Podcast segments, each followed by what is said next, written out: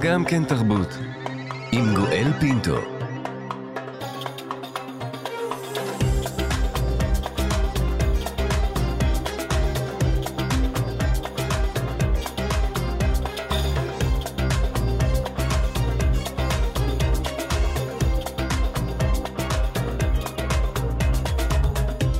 שלום שלום לכולכם, אנחנו כאן, גם כן תרבות, מגזין התרבות של ישראל בשבוע ה-12 למלחמת שבעה באוקטובר. מנסים להשיג נחמה, להתאחד, להרגיש יחד בימים הקשים שעוברים על כולנו. יותר מ-1,400 ישראלים, אזרחים וחיילים נרצחו, כ-240 נחטפו לעזה ואלפים נפצעו.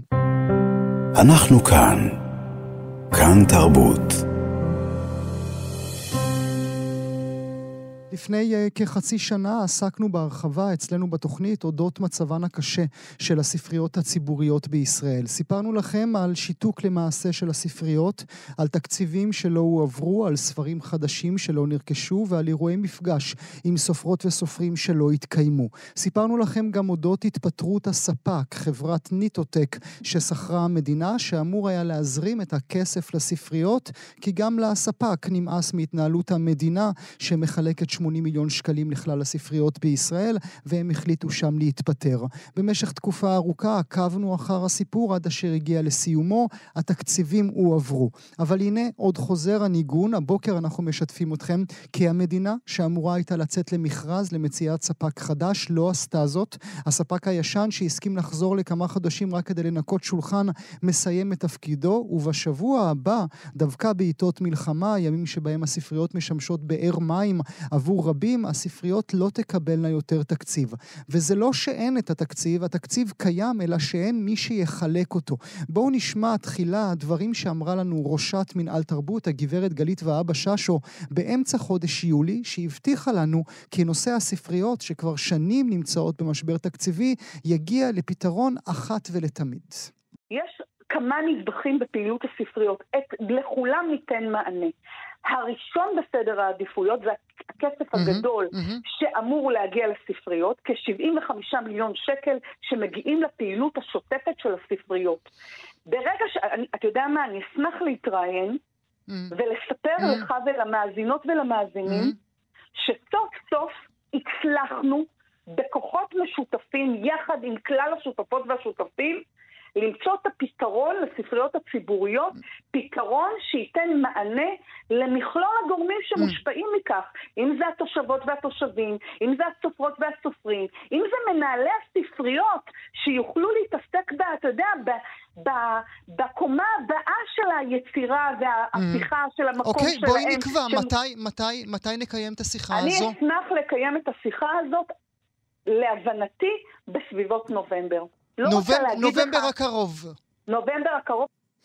נובמבר. אז כמובן צריך לומר, אה, מאזינות ומאזינים, אז בחודש יולי, כשהתקיימה השיחה עם הגברת ואבא ששו, לא אנחנו ולא היא, לא ידענו שמלחמה תפרוץ על הארץ, לא ידענו ש-1,400 מאיתנו יירצחו, לא ידענו ש-240 מאיתנו יילקחו שבי, לא ידענו שבכל יום אנחנו נודיע על חללי צה"ל נוספים. ובאופן טבעי, בחודשים האלה, על שולחן משרד התרבות, דברים דחופים שנוגעים לטיפול שוטף בעולם התרבות. תרבות בעיתות מלחמה. אבל האם הספריות אינן טיפול שוטף ואקוטי? בוודאי בוודאי, כאשר רבות ורבים מוצאים בספריות מפלט. נברך לשלום את הסופרת, האימא של קרמל, מאירה, מאירה ברנע גולדברג, שלום לך. בוקר טוב. שמעת את דבריה של גלית ואבא ששו, והאם בעינייך זה הוגן שאנו מקיימים את השיחה הזאת אודות המצב הקשה של הספריות, כאשר כולנו בתוך מלחמה? תראה, אה, בתור מי שבמשך חודשיים מגיעה כמעט כל יום לספריות, לשמח ולעודד ילדים, גם ילדים מפונים מהדרום ומהצפון, ורואה כמה טוב זה עושה להם, וכמה, אגב, אנשים התחילו, חזרו לקרוא, כי הם מחפשים מפלט mm-hmm. מהמציאות. Mm-hmm. אני חושבת שדווקא עכשיו, לעצור את התקציבים, שלא יקנו ספרים חדשים בספריות, אמרת לדפוק את מי שאין לו כסף לקנות ספרים, ולעצור את כל הפעילויות בספרייה, שלא יהיו מפגשי סופר, מפגשי סופרת. אתה יודע שהיה עכשיו אה, בפרדס חנה אירוע על זלדה והגיעו, העולם היה מלא? Mm-hmm. על זלדה. Mm-hmm. אנשים רוצים תרבות עכשיו. הם רוצים שעה, שעה וחצי, שיהיה להם שקט בראש, ושעה וחצי לברוח מהחדשות, ואירועי הספרות והתרבות בספריות מספקות להם את, ה, את הדברים האלה, וזה ובמיוח... נראה לי לא הוגן. ובמיוחד, כמו שאמרת, אה, מאירה, ב- בימים ובשבועות שהמצב הכלכלי הולך והופך קשה יותר ויותר עבור, עבור משפחות uh, רבות, זה המקום שהופך uh, לבית תרבות. האם... זה מקום זול, מקום זול ליהנות מתרבות ולצרוך תרבות. לפני שניכנס אל המקרה הספציפי הזה, את יודעת, מאירה, אנחנו מקיימות את השיחה הזאת לאורך שנים, את ואני, עם סופרים וסופרות אחרים כאן אצלנו בתוכנית. את מבינה מדוע בכל פעם הספריות הציבוריות נופלות להן בין הכיסאות? את האמת אני אגיד לא, דווקא בפעם האחרונה הייתה לי אה, המון אופטימיות, כי אני זוכרת שבמשרד התרבות התחייבו בפניי, ואמרו לי של אין מצב שבינואר, אני מתקשרת פעם לשאול אותם מה קורה, ולכן באמת בתשעה בספטמבר התקשרתי כדי להזכיר להם את ההבטחה, ואמרו לי אל תדאגי, יהיה בסדר. אמרתי להם, תקשיבו, ספריות מתקשרות עכשיו לקבוע איתי אירועים לפסח, לפורים ולשבוע הספר, והם אומרים לי שאין תקציב ולא יודעים מתי לקבל תקציב. אמרו לי, לא, אל תדאגי, אל תדאגי, יהיה בסדר, יהיה בסדר. ותשמע, קטע, לא בסדר. אה, נס... גם אין להם זמן לעשות, גם אין להם זמן לעשות מכרז עכשיו. זהו, אז, אז בואי נסביר את זה למאזינות והמאזינים. כאשר אנחנו אה, אה, עסקנו בסיפור בחודש יולי האחרון, כבר אז ידעו שהספק עוזב ומתכונן לעזוב. כבר אז דובר על כך שצריך לצאת במכרז חדש כדי לקבל ספק חדש. אבל זה לא קרה עד עכשיו. מה אומרים לך במשרד התרבות? במשרד התרבות אמרו לי שהם ישבו על זה. וידברו על זה בקרוב, ותקבל החלטה בקרוב. הבעיה שבקרוב זה הראשון בינואר. בקרוב אין, אין, אין תקציבים. לא ברור לי למה תמיד זה נדחק עד השנייה האחרונה. ידוע לי, אגב, משרד התרבות מאוד נחמדים, תמיד עונים mm-hmm. לי, תמיד, תמיד זמינים, אבל, אבל, אבל אין תשובות. Mm-hmm. אין תשובות, וזה מאוד מצער, כי, כי אני אומרת לך, תחשוב סתם על המפונים מהדרום, ש, שנמצאים עכשיו במצפה רמון, ואין לספרייה שום יכולת ליצור עבורם אירועי תרבות. Mm-hmm. מה הם אמורים לעשות במצפה רמון כל היום? Mm-hmm. כאילו, ספרייה זה, זה המעיין, הבאר, מה שאתה, שאתה רוצה לקרוא לזה. זה המרכז קהילתי מאוד גדול וחזק, אין תקציבים. Mm-hmm. רוצים, נגיד בחנוכה אגב, אני רוצה להגיד לך שהיו המון אירועים ספרותיים, וזה עבד מעולה, זה עבד מעולה. הגענו לאשדוד ולהמון המון מקומות בארץ, ואתה רואה את השמחה של הילדים בעיניים, וזהו, פוף, נעצר. ינואר, פברואר, לא, לא יהיו, לא יהיו מפגשים אם לא, אם לא יטפלו בזה. Mm-hmm. כמה מפגשים יש לסופרת במעמדך בחודש בספריות ציבוריות ברחבי הארץ? החודש היה, היו לי כל יום אירועים. כל יום? כל יום. כן, גם, גם השבוע, כל יום אני בספרייה אחרת. בינואר, אגב, שאלתי כמה ספריות יש לי בינואר? כמה? אפס. אפס. זאת אומרת, אפס. כבר הספריות יודעות שפשוט אין להם תקציב, אז אין טעם להזמין אף אחד. נכון, בינואר אני לא אגיע לספריות ציבוריות, אני, אני, אני אגיע למקומות אחרים אבל זה לא, זה לא, לא בעלות של הספריות, לא, זה לא אותו דבר, זה לא אותו דבר. צריך גם לומר, וזה לא מילה גסה, זה גם משמש עוגן עבור סופרות וסופרים, גם אם לא כאלה במעמד כמו שלך, אה, מין אה, מנעד ל, ל, לפרנסה גם כן, נכון? כל המפגשים האלה. אני יודעת שיש סופרים שמתבססים רק על אירועי סל תרבות ורק על אירועי ספריות, ותמיד, תמיד, תמיד יש להם את הלחץ את החרדה בלב, מה יקרה אם. אני זוכרת את עצמי לפני עשור, לא, שהייתי תלויה בזה מאוד מאוד. היום לשמחתי קצת פחות, אבל עדיין אני לא, לא נלחמת בשביל עצמי, נלחמת בשביל כולם, ובעיקר בשביל, בשביל האזרחים שמגיע להם ספריות ציבוריות תקינות, זה לא, זה, לא, זה לא הגיוני, זה לא בסדר. ייצאו המון ספרים חדשים בינואר, ולא... אף לא אחד לא יקנה אותם. לא, זה, זה, זה, זה מזעזע בעיניי, זה מזעזע, אני יודעת שמלחמה. אבל, אבל, אבל אני יודעת כמה אירועי תרבות וספרות חשובים, mm-hmm. דווקא עכשיו, ולא פייר שעכשיו, אנחנו כמה ימים לפני הראשון בינואר, ואין תשובות, אין תשובות, פשוט לא הוגן כלפי אף אחד מה, מה, מהעוסקים בדבר. אגב, גם לא כלפי הספק. הוא צריך לפטר אנשים, אני לא יודעת, כאילו, הוא לא יודע מה יהיה איתו. Mm-hmm. השאלה אם מישהו בדק איתו אם הוא מוכן להישאר עוד שנה, כי הרי אין טעם עכשיו לצאת למכרז, אין להם איך לצאת למכרז עכשיו. כי גם מכרז זה... לוקח זמן, מכרז בעת מלחמה. האם אנחנו מבינים, מאירה, האם את מבינה, מאירה, מדוע במקרה של הספריות הציבוריות אכן זקוקים לספק? מדוע לא המשרד עצמו מחלק את, ה, את התקציבים אה, פר אה, ספרייה וספרייה? אני לא חושבת שיש להם כרגע את, ה, את התוכנת מחשב זה, זה המון עבודה. זה נראה mm-hmm. קל, mm-hmm. זה נשמע קל, אבל זה המון המון עבודה עם המון ספקים, כי בעצם כל ספרייה היא מקרה שעומד לגופו, נכון? נכון, וגם כל ספק, אגב, יש אנחנו המון סופרים. המון סופרים, המון ספקים של תרבות. אין, לא, לא נראה לי שיש להם מישהו שיכול לנהל את זה כרגע. Mm-hmm. למרות שאני יודעת שאם הם יישארו בניטוטק, יישארו בניטוטק עוד שנתיים, המחשוב, מערכת מחשוב תעבור עליהם. Mm-hmm. ואז אולי הם יוכלו לנהל את זה לבד, אני לא יודעת, אבל, אבל מה שאני רק יודעת, זה שאם לא יטפלו בזה, 80 מיליון שקל, שקלים בתקציב של הספריות. יכול גם ללכת לפח. כן. ואף אחד לא יענה ממנו, פשוט יחזירו אותו. ואז יופי, מה? אני רוצה שר תרבות שידאג לספרות בישראל. גם לתרבות וגם לספרות, תמיד נראה שאת הסופרים זורקים לפח, אנחנו הכי פחות חשובים. כן. דואגים לטלוויזיה, לאומנים נגיד, אבל מה עם הסופרים? מה עם הספריות? זה לא הגיוני שתמיד נזרק לצד, תמיד נזרק לפח, תמיד אפשר להתייחס אליהם, תמיד ברגע האחרון, תמיד כבדרך אגב. תקשיב, מה שמרגיז פה, יש את הכסף. זה לא שיש כן, יש 80 מיליון שקלים, יש אותם, הם קיימים. זהו, כשדיברתי עם העוזר של שר התרבות, הוא אמר לי, למה, איך הוא הרגיע אותי? אמר, תקשיב, יש לנו את הכסף, הכסף אצלנו, זה לא שאנחנו עכשיו אה, צריכים להיאבק עליו, והוא גם הבטיח לי שהוא ינסה להעלות את זה בהמשך, שזה לא יהיה 80 מיליון, זה יהיה יותר, אמרתי לו, בסדר, קודם כל תעבירו את זה, אחר כך נראה מה יותר. אבל הם אמרו לי, הכסף אצלנו, אל תדאגי, אל תדאגי, זה מה שאמרו לי בספטמבר, וזהו, כבר בספטמבר הוא צריך לצאת למכרז.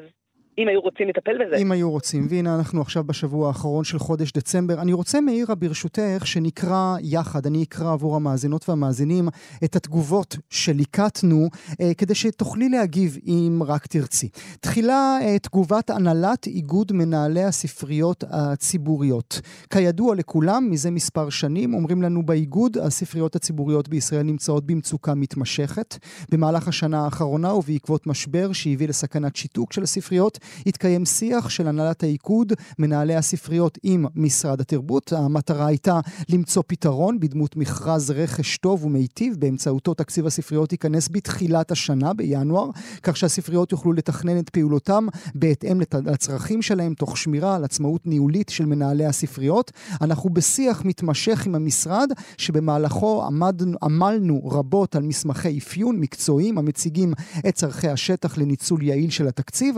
אנחנו מקווים כי העיכוב בהעברת התקציב יהיה קצר ככל האפשר, ושיפורסם מכרז ראוי לשנים הקרובות, שייתן פתרון ארוך טווח לבעיות קשות איתן מתמודדות הספריות. זה סוף התגובה של איגוד מנהלי הספריות הציבוריות. אני, אני מרגיש כאן, מאירה, אה, קצת פחד, נכון? לומר את הדברים כמו שהם ממש. אה, אני יכולה להבין למה יש פחד. אנחנו בסך הכל רוצים להיות בסדר עם כולם. אתה יודע, גם אני התלבטתי המון זמן אם לדבר על זה בתקשורת, אני פחדתי לדבר על זה בתקשורת. אנחנו רוצים שיאהבו אותנו, שיהיו איתנו. אנחנו מפחדים שיחשבו שזה משהו פוליטי, וזה לא משהו פוליטי. Mm-hmm. אנחנו רוצים את מה שמגיע לנו. ו- ואני אני, כן, אני רואה, אני רואה את הפחד להגיד את הדברים כמו שהם. כמו שהם. ממשרד התרבות והספורט מסרו לנו מאזינות ומאזינים, המשרד פועל לקידום מכרז חדש, בתיאום עם נציגות ונציגי איגוד מנהלי הספריות הציבוריות. תהליך האפיון של המכרז לצד אפיונה של המערכת הממוחשבת אורכים זמן, לכן הצפי לסיומם הוא במהלך החודשים הקרובים. המשרד כן. נערך. כעת לפתרון לטווח הקצר, שייתן מענה למחצית הראשונה של השנה, בתיאום עם איגוד מנהלי הספריות הספריות הציבוריות. המענה יפורסם לידיעת הציבור במהלך חודש ינואר. אז הנה, מאירה, כבר את שומעת, במהלך החודשים הקרובים. אז כבר בינואר, אנחנו יודעים שבינואר כבר לא יהיה פעילויות ולא יהיה ספריות משותקות חודש, כי אי אפשר לתת לנו מענה כן, בדצמבר חס כן. וחלילה. כלומר, לא נקבל תקציב. עכשיו, אגב, אנשים שרוצים לקבוע עם, ספר, עם, עם סופרים סופרים יפחדו לקבוע איתם, כי תמיד הכל בסימן שאלה. Mm-hmm. לי קבעו איתי המון אירועים במאי, ותמיד כולם סימן שאלה, שזה סימן שאלה. Mm-hmm. יציעו לי משהו אחר, אני אלך למשהו אחר. הכל עם סימן שאלה.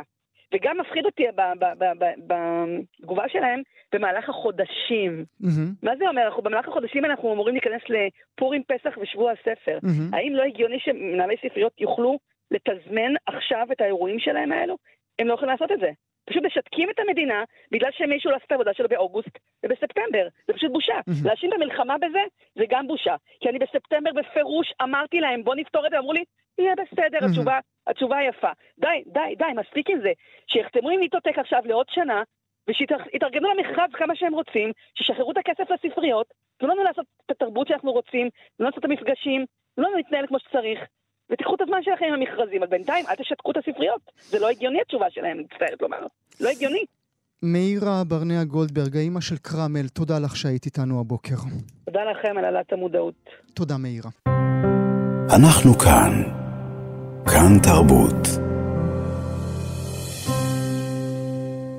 האקדמיה האמריקנית לקולנוע מודיעה על השורט-ליסט, הרשימה הקצרה של הסרטים המועמדים לאוסקר בקטגוריות השונות. שבע ברכות, נציג ישראל לקטגוריית הסרט הבינלאומי הטוב ביותר, סרטן של איילת מנחמי, אלינור סלע וריימונד אמסלם לא הצליח להיכנס לרשימה, אבל כן יש נציגים ישראלים או סמי-ישראלים בקטגוריות השונות. צוות האיפור של הסרט גולדה, סרטו של גיא נתיב, אודות ראשת ממשלת ישראל גולדה מאיר, נכנס לרשימה הקצרה בקטגוריית האוסקר לאיפור הטוב ביותר, ובקטגוריית סרט האנימציה הקצר הטוב ביותר יש את ויילד סאמן, שביימו שני ישראלים, קרני אריאלי ושאול פריד, ישראלים שחיים בבריסטול, ויש גם נציג ישראלי מובהק, מכתב לחזיר, סרט קצר, הסרט אנימציה קצר שזכה בפרס אופיר, ביימה אותו טל קנטור. מכתב לחזיר, אודותיו נדבר כעת, נפתח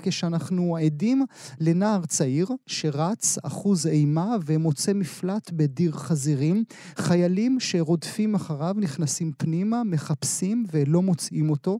אז עוברת העלילה במעבר חד אל כיתת בית ספר. שם איש מבוגר יושב מול ילדים ומספר להם על ההימלטות, ההצלה והמחבוא שמצא באותו דיר ועל מכתב תודה שהוא כתב לחזיר שהציל אותו. כבר שנים רבות שאני רוצה לומר לך תודה, הוא כתב לחזיר, יותר מכל אדם, דווקא אתה ראית אותי, הגנת עליי, חשבת שגם לי יש זכות לחיות, למרות שכל חיי לימדו אותי שאתה חיה טמאה.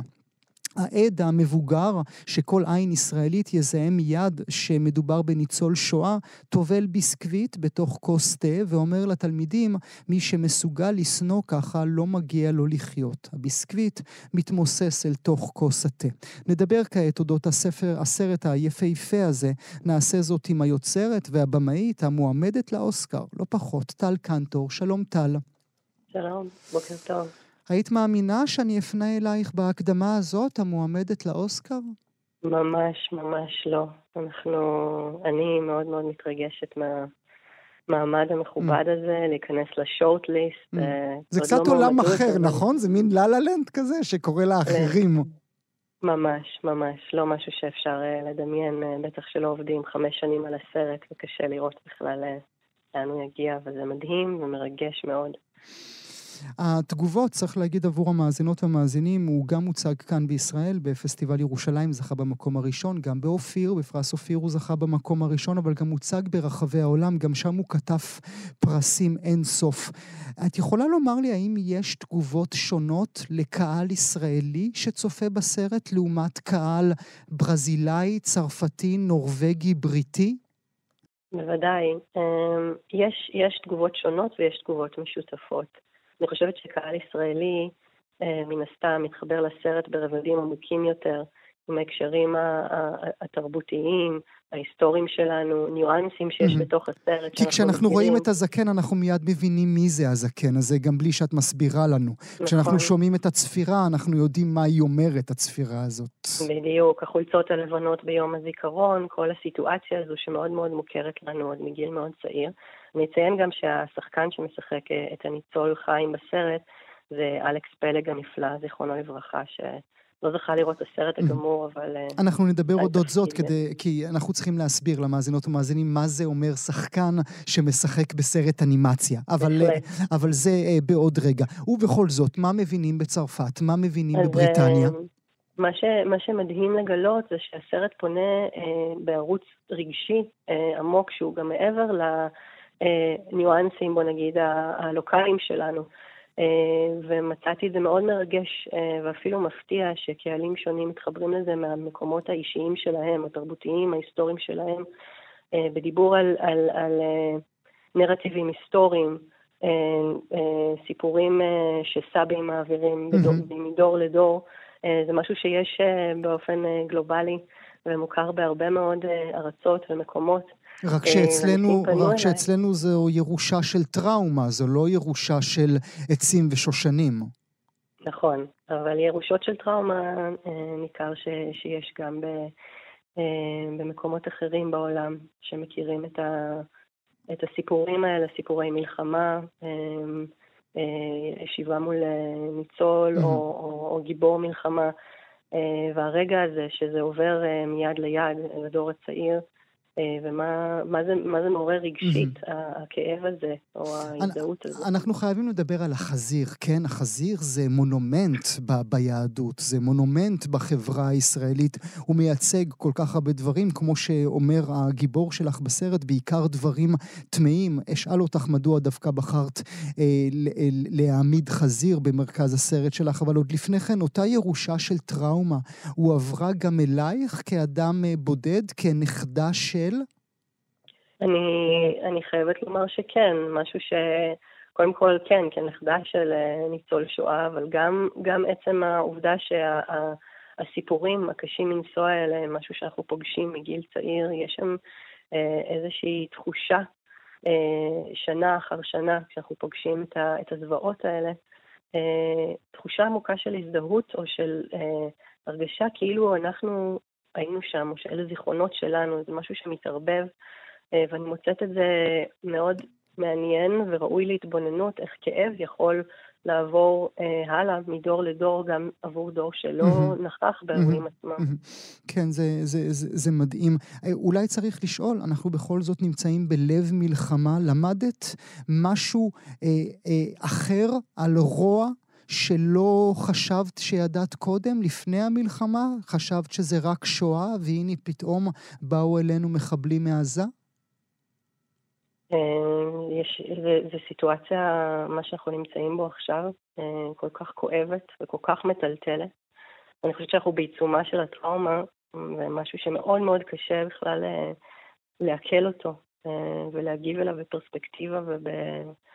איזושהי רפלקסיה, זה כרגע מצב של זעזוע טראומטי, אה, שנכניס לשוק את כולנו. אבל את רואה גם את אה, הסרט שלך עצמך בעין אחרת? אני, אני, אני רואה אותו, תראה, לי, אני חייבת לומר שהיה לי קשה לצפות בו. אה, בחודשים האלה. ממש. אה, יש פה איזשהו הדהוד, ואני שומעת את זה גם מקהל מקומי וגם... לא, לא, אה, תשאלי אותי, אני צפיתי בו בלילה. זה, זה, זה, זה מקבל קומה אחרת לגמרי. פתאום אתה, כן. פתאום אתה הילד שבורח אל הדיר ומנסה להתחבר. יש בזה משהו מצמרר, ולראות איך, איך יש מעגליות אה, כואבת כל כך, אה, של, של, של טראומה, של אלימות, של כאב. ופתאום מקבל איזשהו נופח מחודש, אה, הנקודת מבט הזו. שלא דמיינתי כשעשיתי את הסרט שזה יהדהד ככה. בואי נדבר על החזיר. הוא יפה, הוא ורוד, לא רק זה, אלא שלילדים אה, יש מאפיינים חזיריים, בעיקר האף. אז תסבירי לי את ההחלטה אה, אה, להעמיד חזיר במרכז הסרט. חזיר אה, היא, היא חיה שבטח ב... ב... במקום שאנחנו נמצאים בו, מכירים אותה עם, עם קונוטציה, נכסי ציבור שליליים, בוא נגיד mm-hmm, את זה ככה. Mm-hmm. יושבת טמאה, מטונפת.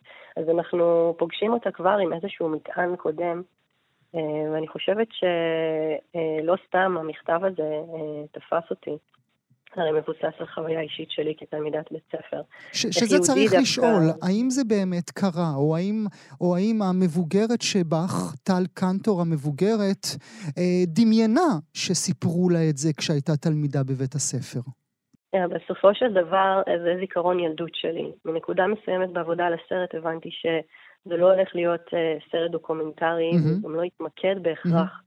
בסיפור הספציפי של אותו ניצול, ושהמטרה של הסרט היא דווקא להפנות את המבט ב-180 מעלות את המצלמה אל הילדים ומה הם זוכרים, בעצם אל הזיכרון, מה נטמע שם. והזיכרון הוא דבר אה, חמקמק, הוא דבר ש, שנתפסים בו פרטים מסוימים, נשמטים פרטים אחרים, וזה מה שהיה לי חשוב גם להעביר. והחזיר הוא איזשהו סימבול מאוד מורכב ומעניין, שלאורך הסרט, אה, לא, לא, לא נעשה ספוילרים, אבל הוא משנה את צורתו ותפקידו בהתאם לאיך שהדמויות השונות אה, לומדות לראות אותו, או בוחרות לראות אותו, הוא בעצם שם... ומה הן עושות לו.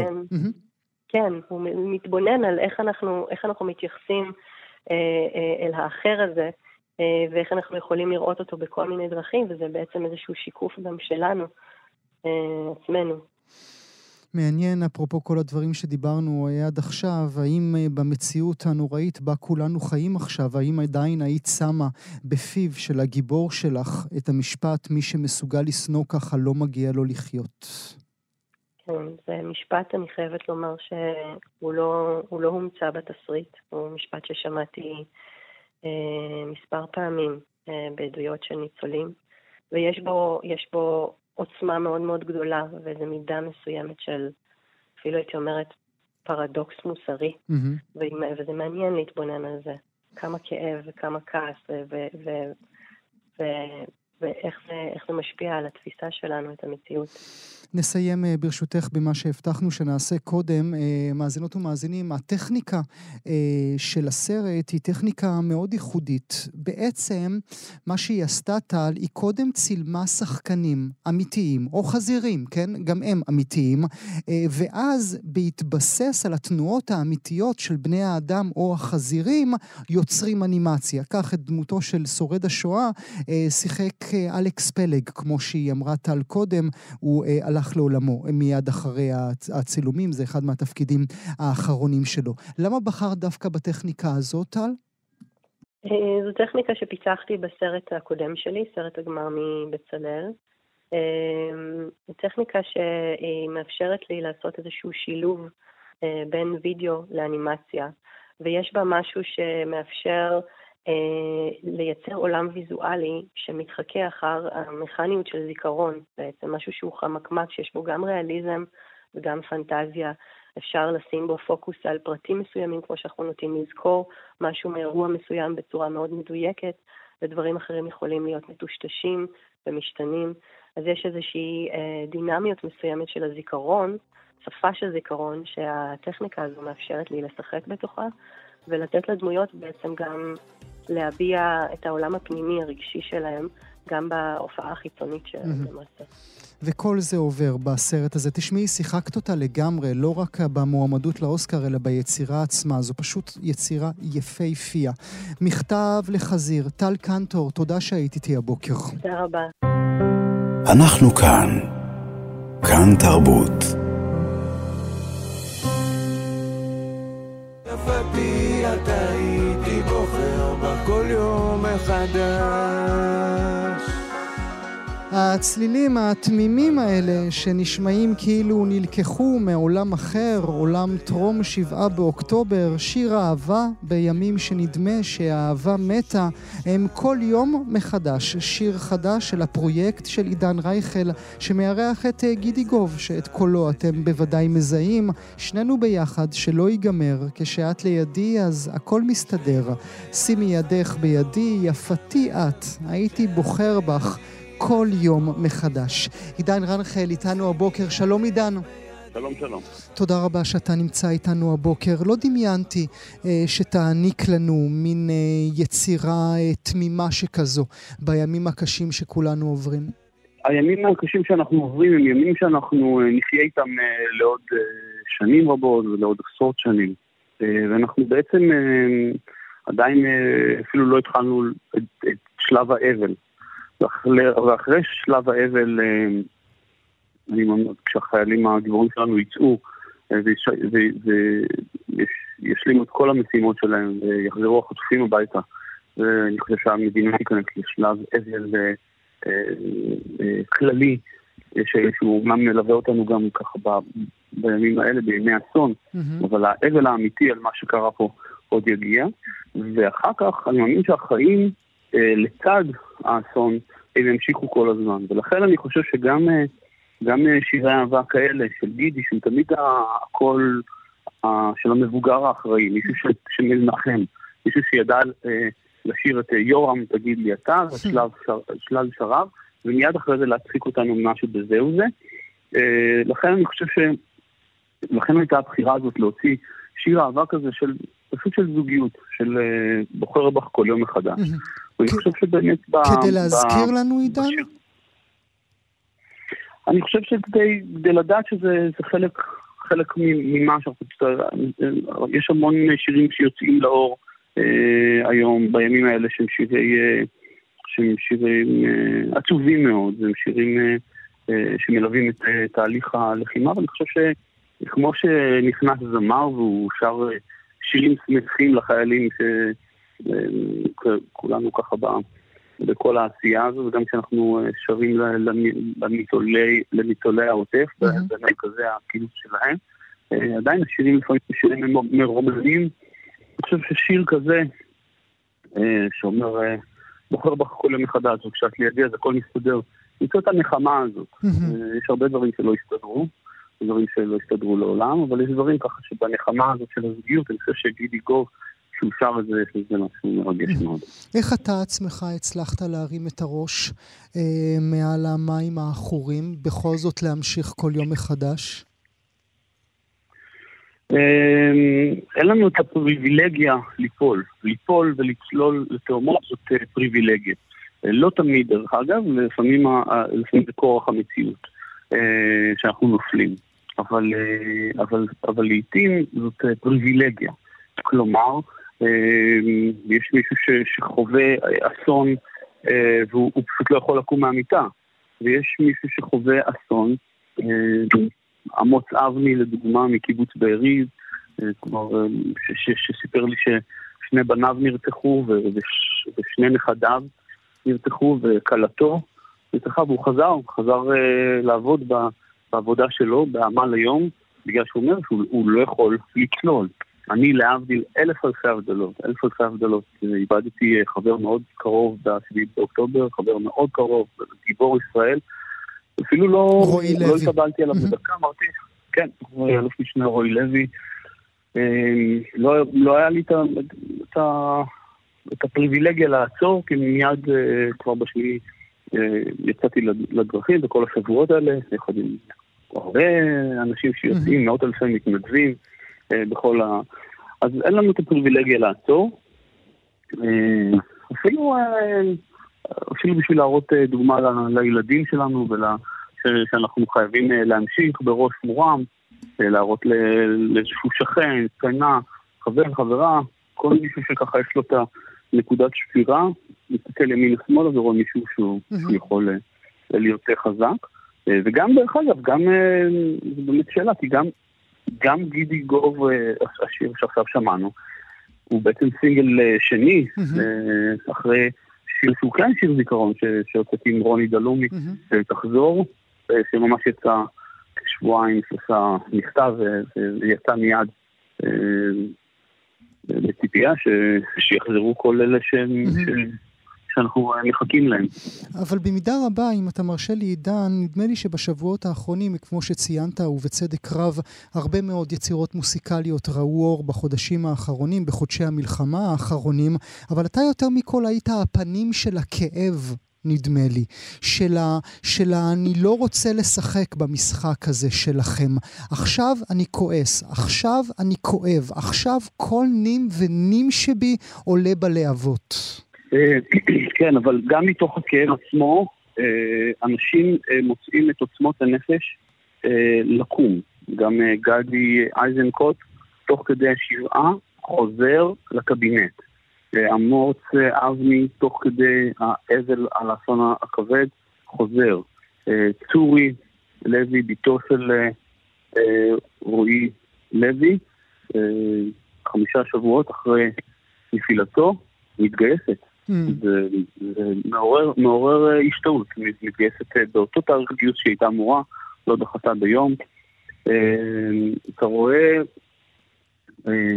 הורים, הורים שכולים שיוצאים אפילו ומחזקים חיילים. אין לנו את הפריבילגיה ליפול, אנחנו, אנחנו בעצם הרוח הגבית של כל אלה שמחרשים נפשם בשכונות הטרור, קציני mm-hmm. הטרור בעזה.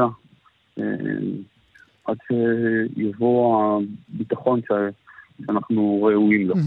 אתה אומר רוח גבית, מה בעיניך באמת התפקיד של התרבות והאומנות שלכם ושלכן בתקופה הזאת? אה, כל, זה פשוט עוד איזושהי יצירה, יצירת פס קול. אנחנו זוכרים, אה, כמו שאנחנו זוכרים את אה, קולו של נחמן שי במלחמת המפרץ, נזכור את קולו של דני הגרי, דניאל הגרי, אה, כמו שאנחנו זוכרים אה, שירים מסוימים מתקופות מסוימים, כמו שאנחנו זוכרים טעמים מסוימים, ולפעמים, ולפעמים זה, זה, נותן, זה נותן את, ה, את הסיבה, השיר הזה שאתה פתאום שומע, הארוחה הביתית, הקוסקוס הזה בשבת שאתה מחכה hmm. לפגוש. זה, זה, זה החיים שלנו ש, ש, שלהם אנחנו מחכים, אנחנו מחכים קודם כל שיחזרו כל השבויים וה... mm-hmm. שנחטפו במהלך פשעי המלחמה שביצועה בתא חמאס. אבל זה, זה נותן לנו את הסיבה, גם כש... זה בעצם, אתה יודע, זה, זה, זה בעצם כמו שאנחנו מתחילים כל, כל רעיון, אומרים, אתה אומר בוקר טוב, או ערב טוב, או צהריים טובים. וגם אם קרה אסון, אומרים בוקר טוב. Mm-hmm. כל בוקר בארץ ישראל mm-hmm. הוא בוקר טוב, mm-hmm. שכל ערב בארץ, בארץ ישראל הוא ערב טוב. לכן אנחנו חיים לצד הכאב, ואנחנו נידונו לחיות לצידו אה, עוד שנים רבות.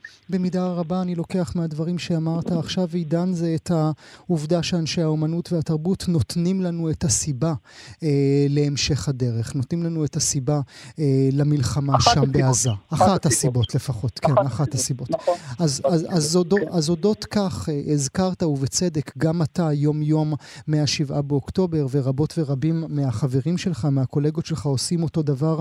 איזה מין ישראל, איזה מין ישראלי ישראלים אתה פוגש אה, בכל יום ובכל ערב שאתה מופיע מולם? משהו השתנה בישראליות? לא, אני חושב שזה רק הישראל היא כמו במה ענקית של אופרה. כשאתה מסתכל על במה ענקית של אופרה, אתה לא יכול לראות את כל הפרטים. לכן אתה מתמקד בדברים מסוימים. לפעמים אה, אתה מתמקד במשהו, אתה מתמקד בשחקנים מסוימים, באיזשהו זמר שם, זה, זה במה ענקית, זה במה עצומה, אתה לא יכול לראות, לראות את הכל. אז בעצם אני חושב שמה שאנחנו כן רואים עליו ושמים עליו את הדגש זה הערבות ההדדית. הערבות ההדדית של, אה, של אנשים שביוזמה אזרחית אה, פותחים קטרינג אה, ויורדים לשטחי כינוס. Mm-hmm. ערבות הדדית שאתה נכנס ל... לאחד המלונות בים מלח של, של, של מפוני בארי או נחל עוז או, או באילת ניר עוז ואתה רואה ערימות של ערימות של, של בגדים ואתה רואה התגייסות של, של קיבוצים שלמים, שלמים, שאת כל שטחי ההרחבה שלהם הם אה, נותנים בשביל שיבנו אה, שם mm-hmm. קרוונים אה, בשביל לאכלס את, ה, את התושבים. אתה רואה אה, אומנים, אה, גם כאלה שלא יצאו לאור או מפורסמים, ליצנים אפילו שהולכים, ואתה רואה מורות פרטיות שיורות. Mm-hmm. ופשוט באופרה הזאת אנחנו מדגישים אה, אנחנו רואים את מה שלא ראינו בהמון המון חודשים ש, ש, שקדמו ל-7 באוקטובר, mm-hmm. לא כי הם לא היו קיימים, אלא כי לא שמנו עליהם את הדגש. שמנו, mm-hmm. או שמו בשבילנו את הדגש על איזשהו כיתוב מסוים, שאני חושב שבסופו של דבר, אה, אה, אה, עכשיו אנחנו מתעסקים mm-hmm. באמת במה חשוב, ואני מקווה ש... והביחדנס הפתיע אותך, עידן? הוא פה בשביל להישאר? לא. אנחנו תמיד, אנחנו תמיד אה, ביחד, אנחנו ביחד כשצסקה אוכלת אותה, ואנחנו ביחד כשנטע זוכה באירוויזיון, ואנחנו ביחד כש... ופתאום כולנו אה, אוהדי אה, כדורגל כשישראל מפקיעה גול באיזשהו עניין, באיזשהו משחק בינלאומי, ואנחנו כולנו ביחד באיזשהו מערכון של הגשה, אנחנו כולנו ביחד בשיר אה, ביום הזיכרון, כולנו ביחד עומדים בקצירה. אה, בסופו של דבר כולנו ביחד תמיד, זה רק הבחירה שלנו אה, על מה לשים את הדגש. Hmm. משהו השתנה בך בשבעה באוקטובר? אתה עידן אחר? אני חושב שכולנו, אנחנו לא, לא חושב שאנחנו משתנים, אנחנו אותם אנשים שחווים טראומה מאוד מאוד גדולה, המדינה, אה, המדינה בעצם אה, הפרה אה, את ההסכם שאנחנו אנחנו אזרחים, ואנחנו אזרחים שומרי חוק ומתגייסים ומשלמים מיסים, והמדינה שומרת עלינו ומגינה עלינו, ובשבעה באוקטובר המדינה לא, לא הגנה עלינו, ואנחנו צריכים לחיות עם זה, לשקם את, ה, לשקם את, כל, ה, את כל הדבר הזה. מחדש. ולבנות, ומפה נקום ונבנה מחדש. מה זה אומר לקום ולחיות מחדש? אנחנו יודעים בכלל את כללי החוזה החדשים? כי זה נדמה לי שזה מה שעדיין חסר על הדף. אנחנו אה, קמנו מהעם היהודי, אה, קם מאסונות לאורך כל ההיסטוריה. זה אומנם אסון בקנה מידה אחר, כי הוא בתוך הבית שלנו ולתוך האזרחים, זאת אומרת, שואה בעוצמות שלה הייתה עצומה, אבל היא לא קרתה בתוך הבית שלנו. מלחמת יום כיפור שהייתה קטסטרופה, החיילים עצרו בגופם ובנפשם שזה לא יגיע לאזרחים, פה הקטסטרופה היא שילד לא היה מוגן בתוך ביתו. זו קטסטרופה בקנה מידה בלתי נתפס. כל הדיבורים והענפים של, של, של העץ הזה, שהוא כולו קטסטרופה אחת גדולה, הכל מצטמצם לעניין שבשבת בבוקר, בשמחת תורה, ילד לא היה מוגן בביתו. ואם אני אה, חוזר אל היצירה הזו שלך שאתה מכין לנו, אנחנו עכשיו אה, שומעים ברקע, כמו שהזכרת קודם, את, אה, את הסנונית הראשונה, ששיר יחד עם רוני דלומי. זה אומר שגם האלבום העתידי שלך קיבל את הפנים של האקטואליה, של המציאות החדשה שדפקה לנו בדלת? כן, האלבום שינה את פניו ככה ב... בשבועות האחרונים, זה אלבום שהיה אמור לצאת, כמה שירים יצאו, כמה שירים נכנסו, ואני חושב שהוא מהווה את פס הקול שלי בתקופה הזאת, ואני מחכה לשתף את זה איתכם בעוד כחודש אני אוציא את האלבום לאור. בינתיים יצאו הסנוניות הראשונות עם רוני דולומי ועם גידי גוב. עידן, עידן רייכל, תודה רבה לך שהיית איתנו הבוקר. תודה לך, תודה על ההקשבה, תודה לכל המאזינים. בראש מורם, או נקום גם מהקטסטרופה הזו. בראש מורם, עידן, להתראות. הלוואי תבוא בלי להודיע